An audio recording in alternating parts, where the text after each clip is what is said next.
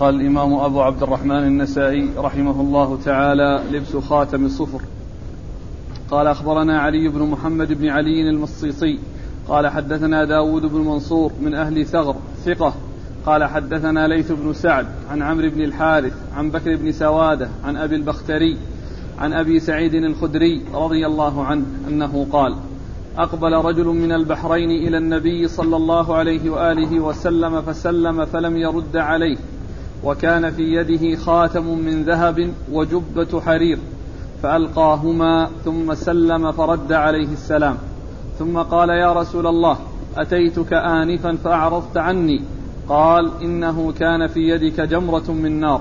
قال لقد جئت إذا بجم بجمر كثير.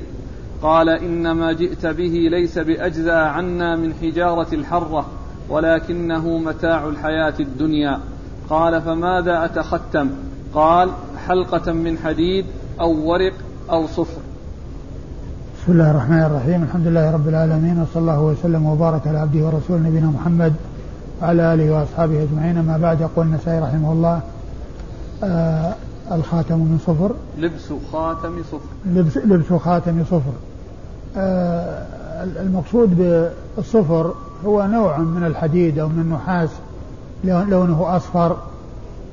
فهذا هو المقصود بالترجمة.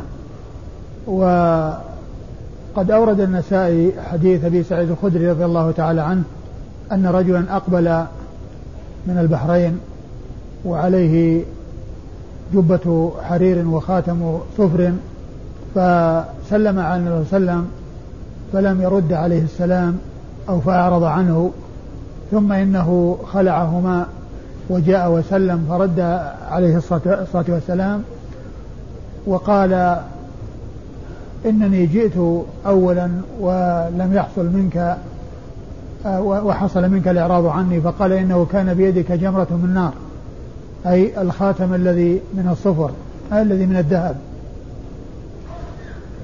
ثم قال إذا إذا إذا جئت بجمر كثير. فقال عليه الصلاة والسلام إن ما جئت به ليس أجزى عندنا من حجارة الحرة ولكنه متاع الحياة الدنيا. قال بماذا أتختم يا رسول الله؟ قال بخاتم آه، صفر أو آه، ورق أو حديد. أو حديد؟ نعم. أو حديد. هذا الحديث أورده النسائي من أجل ما جاء في آخره من ذكر الصفر. خاتم ورق أو صفر أو حديد. وقد عرفنا أن خاتم الورق ثبت فيه أحاديث كثيرة تدل على جواز اتخاذ الخاتم من الفضة. وأما الحديد فقد سبق أن مر الحديث الذي فيه أنه حلة أهل النار. وأما الصفر فأورد فيه النسائي هذا الحديث والحديث يعني فيه كلام من جهة عدم سماع أبي البختري من أبي سعيد الخدري رضي الله تعالى عنه و وهو أيضا نوع من الحديد وهو أيضا نوع من الحديد الذي هو الصفر. وأول الحديث قدم رجل من البحرين وعليه جبة حرير وخاتم ذهب ولا شك أن كل منهما حرام. الحرير والذهب حرام على الرجال وقد مر بنا الحديث الذي فيه أن النبي صلى الله عليه وسلم أخذ حريرا وذهبا وقال هذان حرام على ذكور أمتي حل لإناثها. هذان حرام على ذكور أمتي حل لإناثها.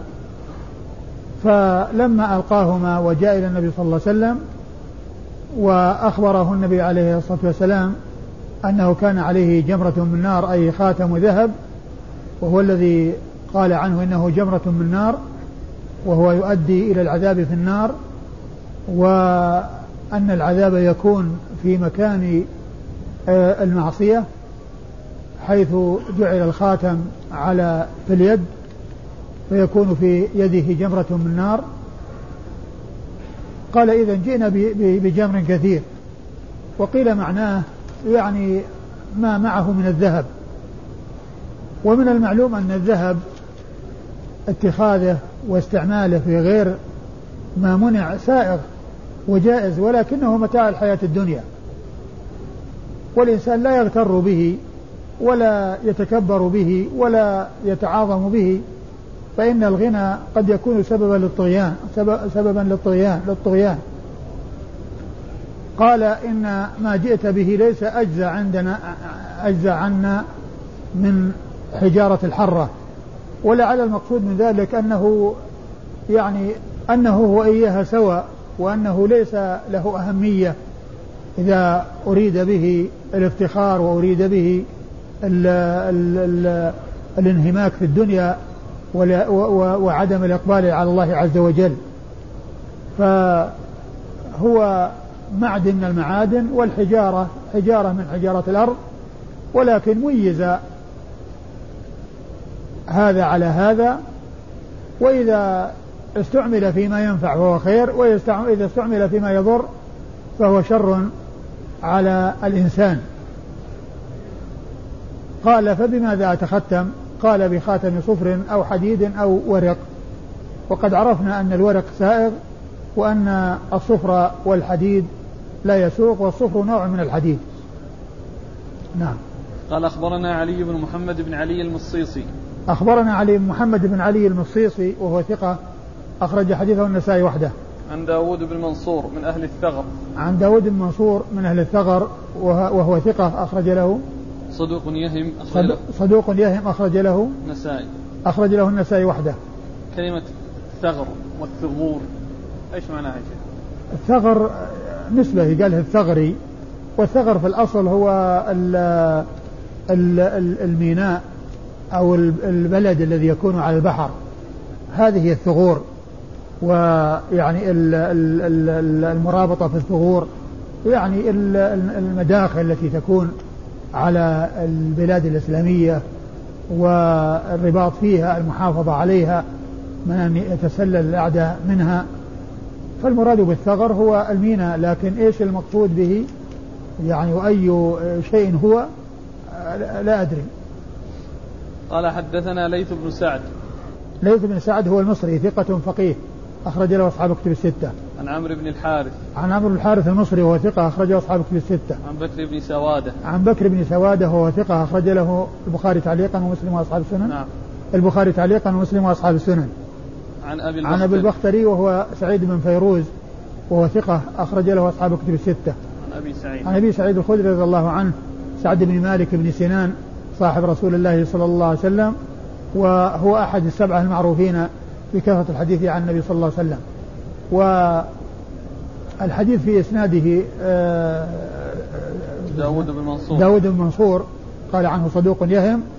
وفيه أيضا أبو البختري وروايته عن أبي سعيد آه، مرسلة.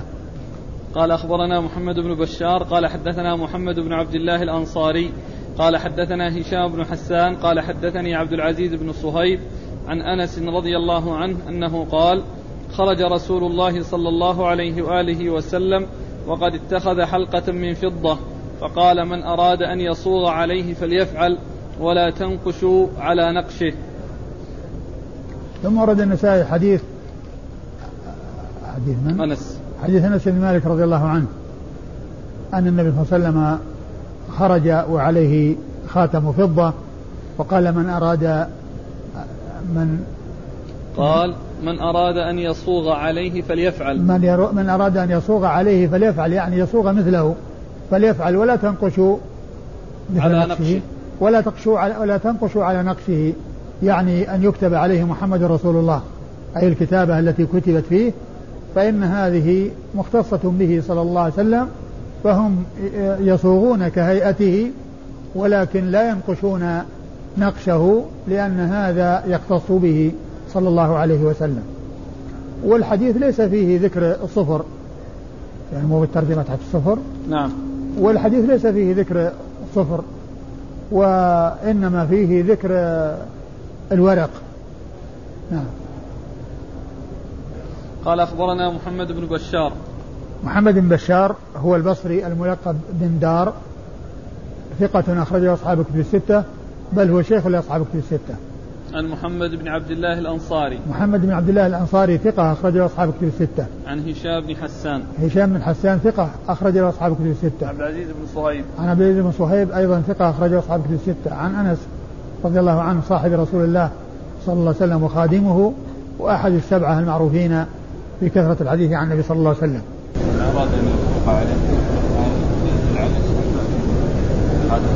لا ما يدعى استحباب ولكن أنه يعني يجوز. يعني يجوز وأما استحباب يعني لا يدل على استحباب. بل ال ال الخلاف يعني معروف فيه ولهذا سبق أن مر بنا أن الرسول ما كان يستعمل الخاتم حتى قيل له أن الروم لا يقبلون الكتاب الا إذا كان مختوما فاتخذه. وقد مر بنا أنه قال أن تركه أولى والحافظ بن حجر قال أن يعني استعماله خلاف الأولى يعني من غير الحاجة التي تقتضيه. قال أخبرنا لكن فيه يعني بيان أن ذلك جائز وأن من أراد أن يفعل ذلك فإنه سائغ له. قال أخبرنا أبو داود سليمان بن سيف الحراني قال حدثنا هارون بن إسماعيل قال حدثنا علي بن المبارك قال حدثنا عبد العزيز بن صهيب عن أنس بن مالك رضي الله عنه إنه قال اتخذ رسول الله صلى الله عليه وآله وسلم خاتما ونقش عليه نقشا قال إنا قد اتخذنا خاتما ونقشنا فيه نقشا فلا ينقش فلا ينقش أحد على نقشه. ثم قال أنس فكأني أنظر إلى وبيصه في يده. ثم أورد النسائي حديث أنس من طريق أخرى وهو مثل الذي قبله كونه اتخذ الخاتم ونقش عليه نقشا وهو محمد رسول الله وقال لا ينقش أحد على نقشه يعني الكتابة التي فيه. وكذلك أيضا قال إيش قال في آخره؟ فكاني قال أنس فكأني أنظر إلى وبيصه في يده صلى الله عليه وسلم يعني بريقه ولمعانه يعني في يد رسول الله صلى الله عليه وسلم. نعم. قال أخبرنا أبو داود سليمان بن سيف الحراني. وهو ثقة أخرج حديثه النسائي وحده. عن هارون بن إسماعيل. عن هارون بن إسماعيل وهو ثقة أخرج له أصحاب الكتب إلا أبي داود. أصحاب الكتب الستة إلا أبا داود. عن علي بن المبارك. عن أبي علي بن المبارك ثقة أخرجه أصحاب الكتب الستة. عن أبي العزيز بن صهيب عن أنس. عن أبي العزيز بن صهيب عن أنس وقد مر ذكرهما. قال رحمه الله تعالى قول النبي صلى الله عليه وآله وسلم لا تنقشوا على خواتي خواتيمكم عربيا. قال أخبرنا مجاهد بن موسى الخوارزمي ببغداد. قال حدثنا هشيم قال أخبرنا العوام بن حوشب عن أزهر بن راشد عن أنس بن مالك رضي الله عنه أنه قال قال رسول الله صلى الله عليه وآله وسلم لا تستضيئوا بنار المشركين ولا تنقشوا على خواتيمكم عربيا. ثم ورد النسائي هذا هذه الترجمه وهي قول النبي صلى الله عليه وسلم لا تنقشوا على خواتيكم خواتيمكم عربيا. و العبارة يعني غير واضحة تماما ولكن ذكر السندي في التعليق عليها أن المقصود أنهم لا ينقشون يعني أو لا يكتبون على على خواتيمهم عربيا يعني ككتابة آه، اسم الرسول صلى الله عليه وسلم التي قد مر في الأحاديث أنهم لا ينقشون على نقشه أنهم لا ينقشون على نقشه. وقالوا كانت الخواتيم ليست معروفة عند العرب ليست مختومة معروفة عند العرب ولهذا سبق أن مر أن النبي صلى الله عليه وسلم ما كان يتخذ الخاتم لأنه ليس من عادة العرب ولكنه لما قيل له إن الروم لا يقبلون الكتاب إلا إذا كان مختوما اتخذ الخاتم وكان يختم به صلى الله عليه وسلم كتبه. فقيل معناه لا تنقشوا على خاتمكم عربيا يعني أنهم لا يختم لا, لا, لا ينقشون أو لا يكتبون آه، ككتابة اسمه. أما من حيث أنهم يكتبون أسماءهم فهذا لا مانع منه ولكن الحديث ضعيف لم يثبت فيه رجل مجهول. نعم. قال أخبرنا مجاهد بن موسى الخوارزمي ببغداد. مجاهد بن موسى الخوارزمي ثقة أخرج حديثه مسلم وأصحاب السنة الأربعة. عن هشيم عن هشيم بن بشير الواسطي وهو ثقة أخرجه أصحاب الكتب الستة. عن العوام بن حوشب. عن العوام بن حوشب وهو ثقة أخرجه أصحاب الكتب الستة. عن أزهر بن راشد. عن أزهر بن راشد وهو مجهول أخرج حديثه النسائي وحده. عن أنس. عن أنس بن مالك رضي الله عنه وقد مر ذكره قال رحمه الله تعالى النهي عن الخاتم في السبابة قال أخبرنا محمد بن منصور قال حدثنا سفيان عن عاصم بن كليب عن أبي بردة أنه قال قال علي رضي الله عنه قال لي رسول الله صلى الله عليه وآله وسلم يا علي سل الله الهدى والسداد ونهاني أن أجعل الخاتم في هذه وهذه وأشار يعني بالسبابة والوسطى. ثم ورد النسائي هذه الترجمة وهي النهي عن عن الخاتم في السبابة. النهي عن الخاتم في السبابة أي أنه لا يكون في السبابة وكذلك لا يكون في الوسطى. وقد أورد النسائي حديث علي بن أبي طالب رضي الله عنه أن النبي صلى الله عليه وسلم قال له سل الله الهدى والسداد وجاء في بعض الروايات ستأتي يقول اللهم اهدني وسددني وهو نفس السؤال لأنه قال هناك علمه الصيغة وقال قل اللهم اهدني وسددني وهنا قال أمره بأن يسأل الله الهدى والسداد. وقال ونهاني عن اتخاذ الخاتم في هذه وهذه وأشار إلى السبابة والوسطى. وهذا يدل على عدم لبسه فيهما. نعم. قال أخبرنا محمد بن منصور. محمد بن منصور الجواز المكي ثقة أخرج حديثه النسائي وحده. عن سفيان. عن سفيان بن عيينة المكي ثقة أخرج له أصحاب الكتب الستة. عن عاصم بن كليب. عن عاصم بن كليب وهو صدوق أخرج له البخاري تعليقا ومسلم وأصحاب السنن. عن أبي بردة. عن أبي بردة بن أبي موسى الأشعري وهو ثقة أخرج له أصحاب الكتب الستة.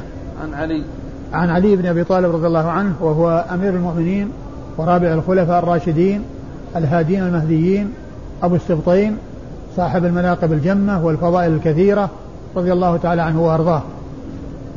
سل الله الهدى والسداد. نعم. إيش السداد؟ السداد آه، آه، أن يكون الإنسان على طريقة مستقيمة و مثل ما جاء قال سددوا وقاربوا يعني الاعتدال والمقارب وقاربوا المقاربة يعني مقاربة ذلك. ومنه قوله تعالى يا أيها الذين اتقوا الله وقولوا قولا سديدا. نعم يعني يعني, يعني إنها مسدد وطيب. في الحديث الذي قبله لا تستضيئوا بنار نعم. المشركين. لا تستضيئوا بنار المشركين قيل معناه يعني هو مثل ما جاء في الحديث يعني لا تقربوهم وكونوا بعيدين منهم ومثله لا تراءى ناره ناراهما يعني نار المسلمين ونار الكفار وهذا كناية عن البعد وعدم القرب والحديث سبق أن مر بنا لا تراءى ناراهما ها؟ هذا اللي راح اللي مر بنا ذا؟ اي صحيح. نعم. قال أخبرنا محمد بن الرجال كلهم ثقات. يعني كلهم وش الإسناد؟ ما عدا عاصم فهو صدوق. نعم ما عدا عاصم وهو صدوق. والباقيين كلهم يعني آه من رجال الكتب الستة ولا؟ لا. نعم. محمد بن منصور نعم المكي. نعم, نعم صح. نعم. وسيأتي من طرق. نعم. قال أخبرنا محمد بن المثنى ومحمد بن بشار قال حدثنا عبد الرحمن عن سفيان عن عاص بن كليب عن أبي بردة عن علي رضي الله عنه أنه قال نهاني رسول الله صلى الله عليه وآله وسلم عن الخاتم في هذه وهذه يعني السبابة والوسطى واللفظ لابن المثنى. ثم ورد النسائي حديث آه علي. حديث علي رضي الله عنه وهو مثل الذي قبله فيما يتعلق بالتختم. قال نهاني عن التختم في هذه وهذه وأشار للسبابة والوسطى. واللفظ لابن المثنى يعني الشيخ الأول من الشيخين الذين ذكرهما وهما محمد بن بشار ومحمد محمد بن مثنى ومحمد بن بشار. نعم. قال أخبرنا محمد بن المثنى. محمد بن المثنى العنزي أبو موسى الملقب الزمن ثقة أخرج له أصحاب الكتب الستة بل هو شيخ لأصحاب الكتب الستة.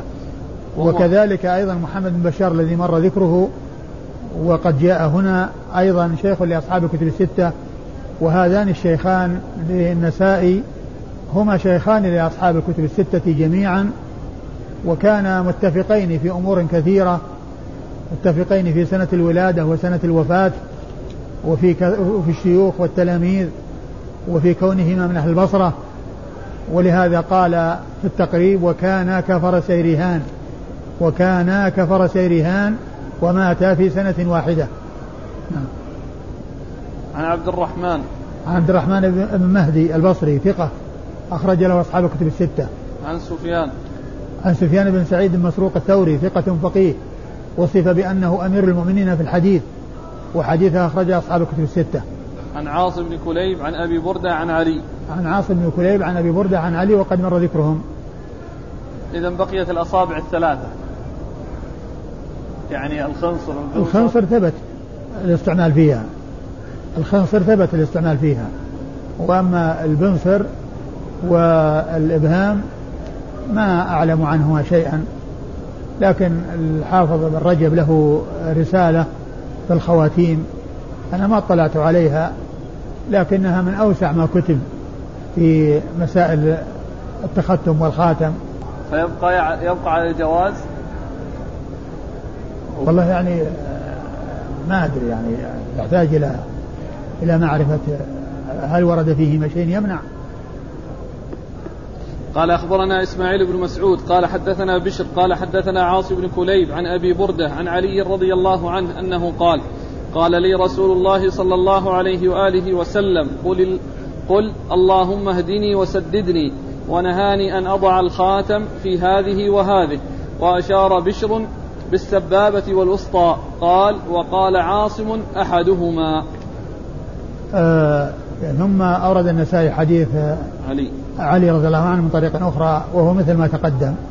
قال أخبرنا إسماعيل بن مسعود. إسماعيل بن مسعود أبو مسعود البصري ثقة أخرج حديثه النسائي وحده. عن بشر. عن بشر بن مفضل ثقة أخرج له أصحاب كتب الستة. عن عاصم بن كليب عن أبي بردة عن علي. عن عاصم بن كليب عن أبي بردة عن علي. وقد مر ذكرهم.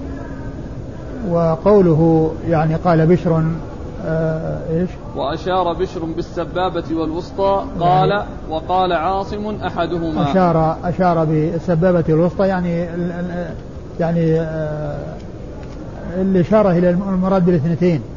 وقال عاصم أحدهما يعني أحد الاثنتين يعني السبابة أو الوسطى. نعم. وقال عاصم أحدهما. نعم.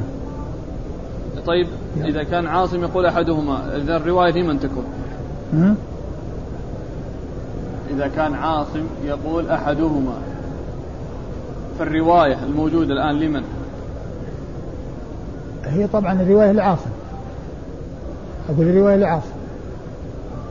الحديث هذا الطريق في عاصم وفي بشر لأن الذي من بشر كونها شار يعني ب بهذه وهذه. وأحدهما أحدهما يعني أحد الاثنتين اللي هي السبابة والوسطى. قال رحمه الله تعالى نزع الخاتم عند دخول الخلاء. قال أخبرنا محمد بن إسماعيل بن إبراهيم عن سعيد بن عامر عن همام عن ابن جريج عن الزهري عن أنس رضي الله عنه أن رسول الله صلى الله عليه وآله وسلم كان إذا دخل الخلاء نزع خاتمه. ثم ورد النسائي هذا الترجمة ينزع الخاتم عند دخول الخلاء. يعني إذا كان فيه ذكر الله عز وجل. أما إذا لم يكن فيه ذكر فما هناك شيء يمنع من الدخول فيه. وإنما المقصود آه، ما يكون فيه من ذكر الله عز وجل. ولهذا يعني ترجم بعض العلماء بذكر الله عز وجل.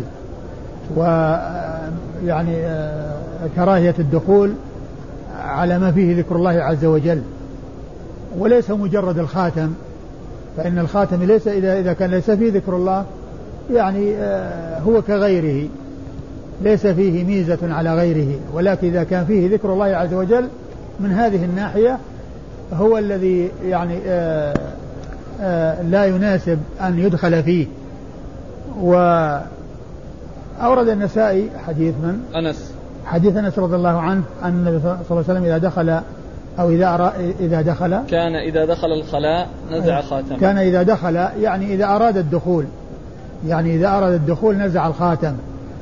وهو مثل قول الله عز وجل إذا قمتم إلى الصلاة فاغسلوا وجوهكم. إذا قمتم إلى الصلاة فاغسلوا يعني إذا أردتم القيام إذا أردتم القيام. وإذا وإذا وإذا وإذا قرأت القرآن فاستعذ بالله. يعني إذا أردت قراءة القرآن لأنها تكون في البداية وقبل المباشرة للشيء. والحديث إسناده يعني مستقيم لكن تكلم فيه بعض أهل العلم من جهة أن هماما الذي في إسناده وهم فيه وقد ذكر ذلك أبو داود بعد ذكر الحديث وقال إنما الرواية المحفوظة أن الرسول كان اتخذ خاتم من ورق ثم ألقاه. وقال إن الوهم فيه من همام بن يحيى الذي هو أحد رجال الإسناد يعني كونه يتعلق بذكر الخلاء يتعلق بذكر الخلاء لكن الحديث سواء ثبت أو لم يثبت لا, لا شك أن ما فيه ذكر الله عز وجل ينبغي التحرز من إدخاله في أماكن القذرة ولكن إذا كان الإنسان مضطرا إليه ولم يكن هناك مندوحة منه فإن ذلك سائغ للضرورة التي تلجأ إلى ذلك كغيره من الأوراق والأشياء التي فيها ذكر الله عز وجل والتي تكون مع الإنسان إذا لم يمكنه التحرز منها. أيوة. قال أخبرنا محمد بن إسماعيل بن إبراهيم. محمد بن إسماعيل بن إبراهيم هو المشهور أبوه بن علية وهو ثقة أخرج حديثه النسائي وحده. عن سعيد بن عامر. عن سعيد بن عامر الضبعي وهو وهو صدوق يهم. ثقة صالح. ثقة صالح. أخرج له أصحاب الكتب. أخرج له أصحاب الكتب الستة. نعم. أخرج له أصحاب الكتب الستة. عن همام. عن همام بن يحيى العوذي وهو ثقة وهو ثقة له أوهام. ربما وهم. ربما وهم. أخرج حديث أصحاب الكتب الستة. عن ابن جريج عن ابن جريج عبد الملك بن عبد العزيز بن جريج المكي ثقة فقيه يرسل ويدلس وحديثه أخرجه أصحاب الكتب الستة عن الزهري عن الزهري ومحمد بن مسلم بن عبيد الله بن شهاب الزهري ثقة أخرج له أصحاب الكتب الستة. عن أنس. عن أنس وقد مر ذكره.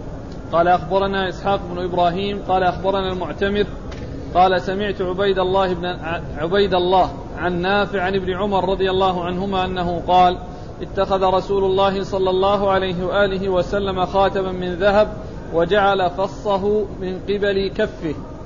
فاتخذ الناس خواتيم الذهب فألقى رسول الله صلى الله عليه وآله وسلم خاتمه وقال لا ألبسه أبدا. وألقى الناس خواتيمهم. ثم ورد النسائي حديث ابن عمر. حديث عبد الله بن عمر بن الخطاب رضي الله تعالى عنهما أن النبي صلى الله عليه وسلم اتخذ خاتما من ذهب فاتخذ الناس خواتيم. فقال فنبذه الرسول صلى الله عليه وسلم وقال لا ألبسه أبدا. فنبذ الناس خواتيمهم. والحديث ليس فيه شيء وجعل فصه من داخل كفه أي لما لبس خاتم الذهب. والحديث ليس فيه شيء يدل على الترجمة من جهة دخول الخلاء. أو نزع الخاتم عند دخول الخلاء قال أخبرنا إسحاق بن إبراهيم إسحاق بن إبراهيم بن راهوية الحنظلي ثقة أخرج له أصحاب كتب الستة إلا ماجه. عن المعتمر عن المعتمر بن سليمان بن طرخان التيمي ثقة أخرج له أصحاب كتب الستة. عن عبيد الله عن عبيد الله بن ع... عبيد الله بن بن عمر بن حفص بن عاصم بن عمر العمري المصغر ثقة أخرج له أصحاب كتب الستة. عن نافع عن نافع مولى بن عمر وهو ثقة أخرج أصحاب كتب الستة. عن عبد الله بن عمر بن الخطاب رضي الله عنهما الصحابي الجليل أحد العبادلة الأربعة من أصحاب النبي صلى الله عليه وسلم وأحد السبعة المعروفين بكثرة الحديث عن النبي صلى الله عليه وسلم قال أخبرنا محمد بن عبد الله قال أخبرنا إسماعيل بن مسعود قال حدثنا خالد عن عبيد الله عن نافع عن ابن عمر رضي الله عنهما أن رسول الله صلى الله عليه وآله وسلم اتخذ خاتما من ذهب وجعل فصه مما يلي كفه فاتخذ الناس خواتيم فطرحه النبي صلى الله عليه وآله وسلم وقال لا ألبسه أبدا. ثم ورد النسائي حديث ابن عمر من طريق أخرى وهو مثل الذي قبله. قال أخبرنا إسماعيل بن مسعود. إسماعيل بن مسعود أبو مسعود ثقة أخرج حديثه النسائي وحده. عن خالد. عن خالد بن الحارث وهو ثقة أخرجه أصحاب كتب الستة. عن عبيد الله عن نافع عن ابن عمر. وقد مر ذكرهم. قال أخبرنا محمد بن عبد الله بن يزيد قال حدثنا سفيان عن أيوب بن موسى عن نافع عن ابن عمر رضي الله عنهما أنه قال كان النبي صلى الله عليه وآله وسلم تختم خاتما من ذهب ثم طرحه ولبس خاتما من ورق ونقش فيه محمد رسول الله وقال لا ينبغي لأحد أن ينقش على نقش خاتمي هذا ثم جعل فصه في بطن كفه. ثم ورد النسائي آه، حديث ابن عمر من طريق أخرى وهو مثل الذي قبله. قال أخبرنا محمد بن عبد الله بن يزيد. محمد بن عبد الله بن يزيد المقري المكي ثقة أخرج حديثه النسائي وأبو وابن ماجه. عن سفيان. عن سفيان بن عيينة قد مر ذكره. عن أيوب بن موسى. عن أيوب بن موسى وهو ثقة أخرجه أصحاب كتب الستة. عن نافع عن ابن عمر. عن نافع عن ابن عمر وقد مر ذكرهما. قال قال أخبرنا محمد بن معمر. قال حدثنا أبو عاصم عن المعمر. عن المعت... عن المغيرة. المغيرة بن زياد. عن المغيرة بن زياد أنه قال حدثنا نافع عن ابن عمر رضي الله عنهما أن رسول الله صلى الله عليه وآله وسلم لبس خاتما من ذهب ثلاثة أيام فلما رآه أصحابه فشت خواتيم الذهب فرمى به. فلا ندري ما فعل. ثم أمر بخاتم من فضة فأمر أن ينقش فيه محمد رسول الله وكان في يد رسول الله صلى الله عليه وآله وسلم حتى مات. وفي يد أبي بكر رضي الله عنه حتى مات. وفي يد عمر رضي الله عنه حتى مات.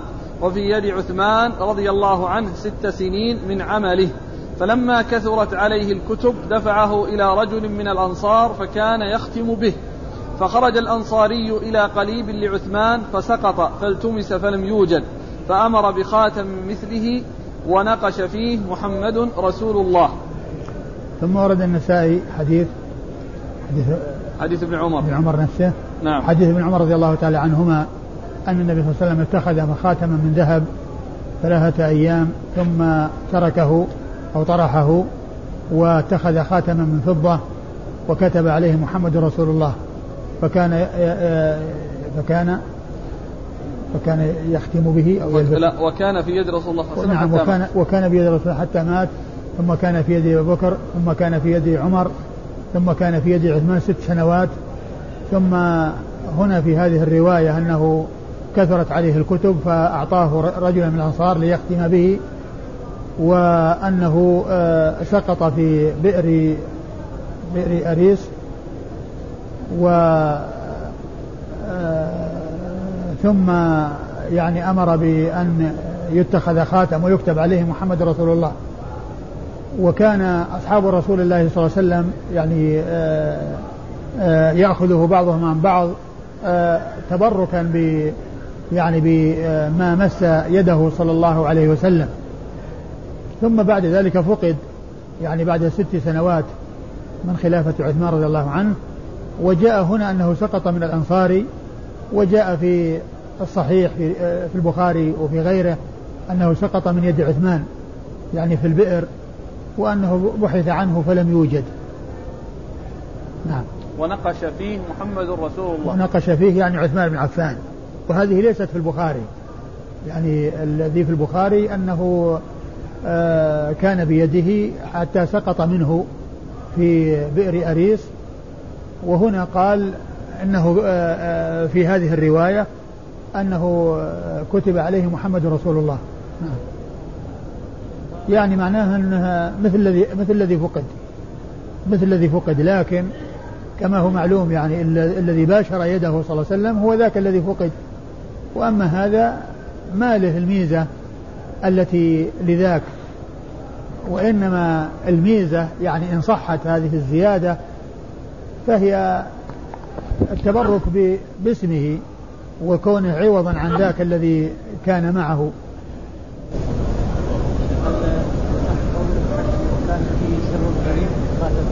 وكان إيش؟ لا هذا ما يستقيم. كيف شيخ؟ كان في سر غريب. إيه لخاتم سليمان. كان فيه سر غريب خاتم سليمان عليه الصلاة والسلام. على كل هذا من الأشياء التي تحتاج إلى دليل لأنها أمور غيبية.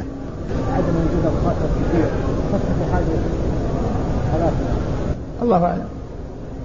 كونه نقش عليه خاتم محمد رسول الله ولا تنقش ولا تنقشوا نقشي يعني يبدو والله أعلم إذا صح أن المقصود أنهم يعني لا يعني يتخذون خواتيم لهم يكتب عليها محمد رسول الله وإنما هذا ذاك الأول الذي اتخذ عليه كتب عليه محمد رسول الله وهذا جعله مكانه. لا أنه اتخذ لنفسه يعني شيئا أو الناس اتخذوا خواتيم وإنما هذا عوض عن الذي فات. هذا إن صحت هذه الزيادة. والحديث يعني الألباني ذكر في الصحيح أنه حسن وذكر في الضعيف أنه ضعيف. لكن هو ثابت يعني في صحيح البخاري من غير هذه الزيادة. ومن غير ذكر الأنصاري وإنما ذكر عثمان وأنه سقط منه والله ما نعلم أقول ما نعلم هذه أمور غيبية ما نعلم عنها شيء قال أخبرنا محمد بن معمر محمد بن معمر البحراني صدوق أخرجه أصحاب الكتب الستة وهو شيخ لأصحاب الكتب الستة. عن أبي عاصم. عن أبي عاصم الضحاك بن مخلد النبيل وهو ثقة أخرجه أصحاب الكتب الستة. عن المغيرة بن زياد. عن المغيرة بن زياد وهو ثقة صدوق له أوهام. صدوق له أوهام أخرج حديثه أصحاب السنن. أصحاب السنن الأربعة. عن نافع عن ابن عمر عن نافع عن ابن عمر وقد مر ذكرهما قال أخبرنا قتيبة قال أخبرنا أبو عوانة عن أبي بشر عن نافع عن ابن عمر رضي الله عنهما أن رسول الله صلى الله عليه وآله وسلم اتخذ خاتما من ذهب وكان فصه في باطن كفه فاتخذ الناس خواتيم من ذهب فطرحه رسول الله صلى الله عليه وآله وسلم فطرح الناس خواتيمهم واتخذ خاتما من فضة فكان يختم به ولا يلبسه. ثم ورد النسائي حديث ابن عمر. حديث ابن عمر رضي الله عنه عنهما من طريق أخرى. وفي وهو مثل الذي قبله إلا أن قوله ولا يلبسه هذا يخالف ما جاء في الروايات الكثيرة. الدالة على أنه كان يلبسه كما جاء عن أنس كان أنظر إلى وبيصه في يد رسول الله صلى الله عليه وسلم. ويعني جاء في روايات كثيرة فالحديث صحيح إلا هذه الزيادة. إلا هذه الزيادة فإنها معارضة لما ثبت من لبسه إياه صلوات الله وسلامه وبركاته عليه. قال أخبرنا قتيبة. قتيبة بن سعيد بن جميل بن طريف البغلاني ثقة أخرج أصحاب كتب الستة. عن أبي عوانة. عن أبي عوانة الوضاح بن عبد الله اليشكري ثقة أخرج أصحاب كتب الستة. عن أبي بشر. عن أبي بشر وهو جعفر بن إياس المشهور بن أبي وحشية ثقة أخرج أصحاب كتب الستة. عن نافع عن ابن عمر. عن نافع عن ابن عمر وقد مر ذكرهما. قال رحمه الله تعالى الجلاجل. والله تعالى أعلم وصلى الله وسلم وبارك على عبده ورسوله نبينا محمد وعلى آله وأصحابه أجمعين.